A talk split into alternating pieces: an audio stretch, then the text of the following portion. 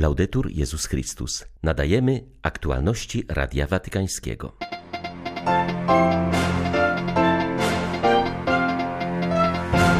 W Watykanie ogłoszono datę pierwszej od czasów pandemii kanonizacji wśród nowych świętych jest m.in. Karol de Foucault.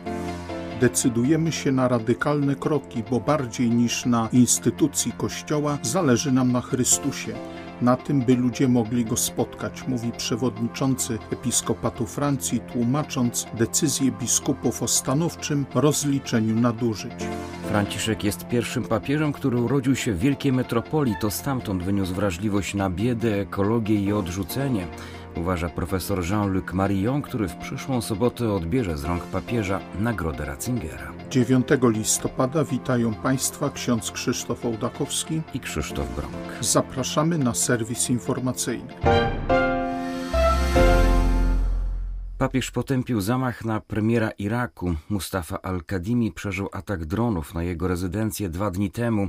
Franciszek zapewnia go o swojej solidarności w telegramie wysłanym przez kardynała Pietra Parolina. W nocy z soboty na niedzielę drony wypełnione materiałami wybuchowymi zaatakowały w Bagdadzie dom szefa irackiego rządu. Premier i pięciu pracowników ochrony zostało lekko rannych. W telegramie papież zapewnia o bliskości w modlitwie z premierem, jego rodziną i wszystkimi poszkodowanymi. Potępiając ten tchórzliwy akt terroryzmu, jego świątobliwość raz jeszcze wyraża ufność, że z Bożym błogosławieństwem naród iracki zostanie utwierdzony w mądrości i sile, gdy będzie szukał drogi pokoju poprzez dialog i braterską solidarność, dodaje watykański sekretarz stanu. Po przerwie spowodowanej pandemią w Watykanie znów odbędzie się kanonizacja. Zaplanowano ją na 15 maja przyszłego roku, podała Kongregacja Spraw Kanonizacyjnych poczet świętych zaliczonych zostanie siedmioro błogosławionych. Decyzja o ich kanonizacji zapadła już na konsystorzu 3 maja, jednakże ze względu na pandemiczne obostrzenia wyjątkowo nie podano wówczas daty ceremonii. Wśród nowych świętych są m.in. Karol de Foucault, francuski konwertyta i pustelnik oraz Łazarz Devashayam, XVIII-wieczny hinduski konwertyta i męczennik. Tu nie chodzi o poprawę wizerunku Kościoła, lecz o Chrystusa, o to, by ludzie mogli go spotkać.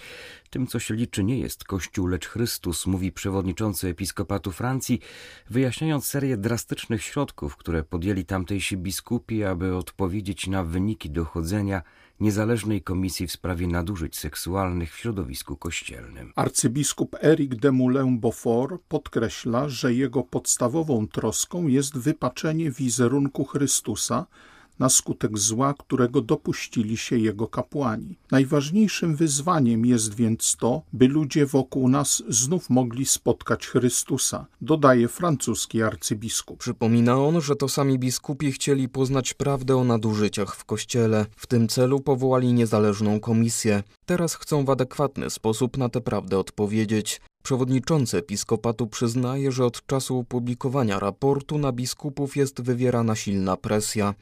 Zapewnia jednak, że najsilniejszą presją jest ta, którą odczuwają przed Bogiem. Nie jesteśmy menadżerami, lecz biskupami Kościoła Chrystusa. Chcemy żyć w prawdziwym Kościele Chrystusa, nie w instytucji, która chroni samą siebie, dodaje arcybiskup de Moulin-Beaufort. Jednym z głównych kroków episkopatu jest decyzja o zadośćuczynieniu finansowym ofiarom nadużyć. Ich przyznawaniem zajmie się niezależna komisja. Fundusz dla ofiar zostanie ustanowiony z rezerw instytucjonalnych. Kościół wyrzeka się w ten sposób materialnych zabezpieczeń, bo chce, by ani jedna ofiara nie została pominięta. Biskupi wiedzą, że może to wiązać się z wyrzeczeniami, z ubożeniem. Szczerze się na to godzimy, bo dla nas liczy się to, że jesteśmy uczniami Chrystusa, a nie stróżami Kościoła, stwierdza arcybiskup Demule Beaufort. O zdecydowanej woli odnowy francuskiego kościoła zapewnia też w rozmowie z Radiem Watykańskim zastępca przewodniczącego episkopatu Francji, biskup Olivier Leborgne. Ja osobiście nie waham się pójść tą drogą aż do końca, ale był w tym pewien punkt zwrotny. Był taki czas, że chciałem słuchać ofiar, ale podświadomie czułem, że obawiam się, iż mogę coś stracić. Powiedziałam wtedy sobie, cóż możesz stracić, to nie jest w porządku. Postanowiłem więc, że chcę zacząć od ofiar, od ich potrzeb, od ich krzyku. I już nie boimy się tego, co stracimy, ani tego, co ryzykujemy. Wierzę, że jest w tym coś głęboko ewangelicznego. Mam wrażenie, że wszyscy chcemy przejść całą drogę. Niektórzy mogliby nam powiedzieć, ale czyż to nie media na was naciskają? Oczywiście, media odegrały swoją rolę. Jesteśmy jednak głęboko przekonani, że to Pan nas dzisiaj wzywa, że to On nas sprowadził na tę drogę i nie możemy z niej zawrócić. C'est lui qui nous a sur ce chemin et on peut pas faire demi-tour. Celem administracji dóbr stolicy apostolskiej jest zarządzanie finansami w sposób wiarygodny i godny zaufania, powiedział w rozmowie z papieską rozgłośnią jej przewodniczący biskup Nuncio Galantino. Zarówno od tej, jak i innych instytucji watykańskich zaangażowanych w zarządzanie, papież oczekuje stylu działania wpisanego w całościową misję Kościoła. Wymaga przede wszystkim, aby orędzie Ewangelii było głoszone także poprzez wiarygodność i dobrą opinię osób działających w sektorze zarządzania dobrami. W rozmowie z rozgłośnią papieską biskup Nuncio Galantino wskazał na główne cele APSA. Ruolo di Zadaniem APSA jest zachowanie, zapewnienie owocowania, a tam gdzie jest to możliwe również pomnażania posiadanych dóbr, ale wyłącznie w jednym celu. Chodzi o pomoc w misji Ojcu Świętemu na dwojakim poziomie, apostolskim i charytatywnym. Jest oczywiste, że papież realizuje swoją posługę poprzez różne dykasterie odpowiadające ministerstwom rządu. Te dykasterie mają różne funkcje. Większa część z nich nie wytwarza żadnego dochodu. Są jedynie adresatami przekazywanych im środków finansowych. Dlatego APSA jest zaangażowana w tworzenie zaplecza finansowego w oparciu o dobra, którymi dysponuje Stolica Apostolska. Chodzi o zabezpieczenie finansowania pozwalającego realizować Kościołowi jego misję. Trwa kryzys społeczno-polityczny w Nikaragui. W niedzielnych wyborach prezydenckich, w których trzecią reelekcję zapewnił sobie Daniel Ortega, nie wzięli udziału prawie wszyscy biskupi tego kraju. Przed wyborami w licznych oświadczeniach wypowiadali się krytycznie o aktualnej sytuacji, w której nie są przestrzegane prawa człowieka i tym samym nie ma demokracji. W poniedziałek rano Najwyższa Rada Wyborcza Nikaragui ogłosiła, że Ortega zwyciężył, zdobywając około 75% głosów. Zarówno Stany Zjednoczone, jak Unia Europejska określiły wybory jako fikcję. W sobotę poprzedzającą niedzielę wyborczą rodziny 150 więźniów politycznych wysłały list do papieża Franciszka, prosząc go o zaapelowanie o przestrzeganie podstawowych praw człowieka w Nikaragui. Jednym ze zmuszonych do ucieczki jest biskup Silvio Bez, który podczas homilii wygłoszonej w Narodowym Sanktuarium w Waszyngtonie powiedział, że to kolejny dzień bolesnej drogi, łez i śmierci, którą przeżył nasz kraj i która pozostawiła tak wiele niewinnych ofiar, o których nie możemy i nie chcemy zapomnieć. Jednak to nie koniec historii Nikaragui. Dzisiejszy dzień nie jest końcem, ale początkiem etapu pełnego wyzwań, walk i zobowiązań, jedności i hojności, dodał biskup Bez. Wydział Teologii Papieskiego Uniwersytetu Gregoriańskiego rozpocznie cykl wykładów o synodzie i synodalności skierowany do studentów tej uczelni oraz wszystkich, którym leży na sercu życie Kościoła. Proces synodalny stawia również przed teologią wyzwanie pogłębienia tematu Kościoła konstytutywnie synodalnego. Pierwszych sześć spotkań zostanie poświęconych tematowi w jakim punkcie na drodze synodalności znajdujemy się aktualnie, mówi dziekan Wydziału Teologii Papieskiego Uniwersytetu Gregoriańskiego ksiądz profesor Filip Rences. Proces synodalny stwarza ogromną szansę, wspaniałą okazję, by popatrzeć szeroko i realistycznie w dzisiejszej perspektywie, ale także w sposób pełen ufności, kierowany przez Ducha Świętego na Kościół oraz rzeczywistość wiary. To jest to, co zawsze chcielibyśmy robić w teologii. Szukamy sposobów, żeby głębiej przemyśleć naszą wiarę oraz życie Kościoła, aby stanowić punkt odniesienia dla naszych studentów oraz dla samego Kościoła i społeczeństwa. Jesteśmy szczęśliwi i zaszczyceni tą wizytą, która będzie równocześnie pielgrzymką oraz spotkaniem. Pielgrzymką śladami świętego Barnaby, który był razem ze świętym Pawłem, apostołem Pogan i ojcem Kościoła na Cyprze. Napisał patriarcha łacińskiej Jerozolimy arcybiskup Pier Battista Pizzaballa w liście z okazji ogłoszenia daty pielgrzymki na wyspę. Arcybiskup Pizzaballa przypomina, że Cybr z jednej strony zawiera w sobie bogactwo i blask, ale także sprzeczności i dramaty całego Bliskiego Wschodu. Z drugiej strony jest oknem na świat zachodni, z którym zawsze utrzymywał ożywione kontakty. Patriarcha określa relacje ekumeniczne z Kościołem prawosławnym jako doskonałe.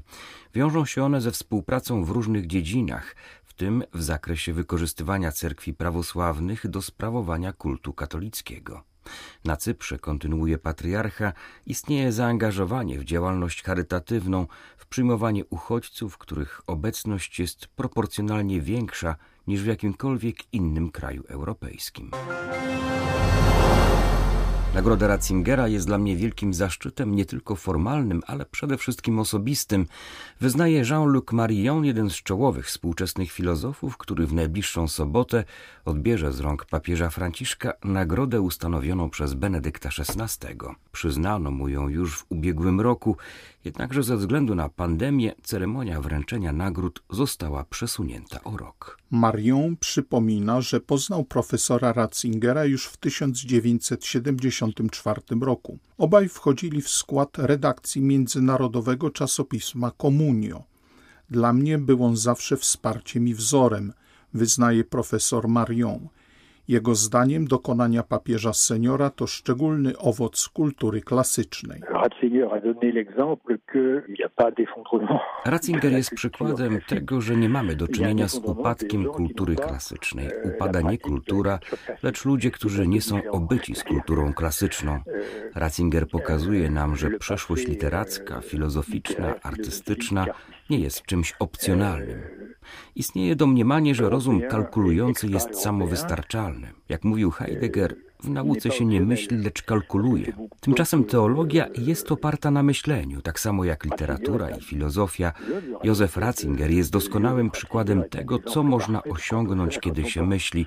Mam nadzieję, że i ja należę do tej tradycji. Mówiąc o charakterystyce obecnego pontyfikatu, profesor Marion podkreśla, że dostrzega wielką ciągłość Franciszka z jego poprzednikami, gdy chodzi o ewangelizację i wychodzenie na zewnątrz.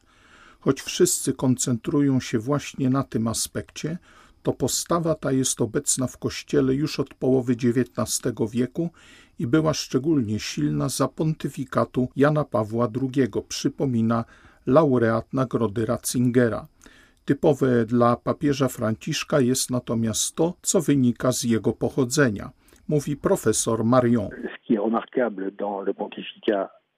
Szczególnym rysem aktualnego pontyfikatu, na który rzadko zwraca się jednak uwagę, jest fakt, że po raz pierwszy papież nie tylko nie pochodzi z Europy, ale urodził się w wielkiej metropolii.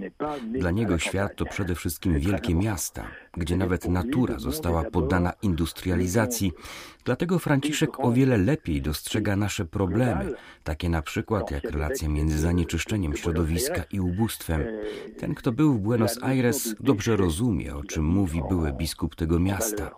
Tak samo pojęcie odrzucenia, które stało się centralną myślą jego teologii i którym opisuje on również totalitaryzmy ubiegłego wieku. Człowiek zredukowany do czegoś, co się odrzuca, do śmiecia, podobnie zresztą jak jego siostra natura. Siostra, bo natura nie jest naszą matką, lecz siostrą, tak uczą ojcowie. Były to aktualności Radia Watykańskiego. Laudetur Jezus Chrystus.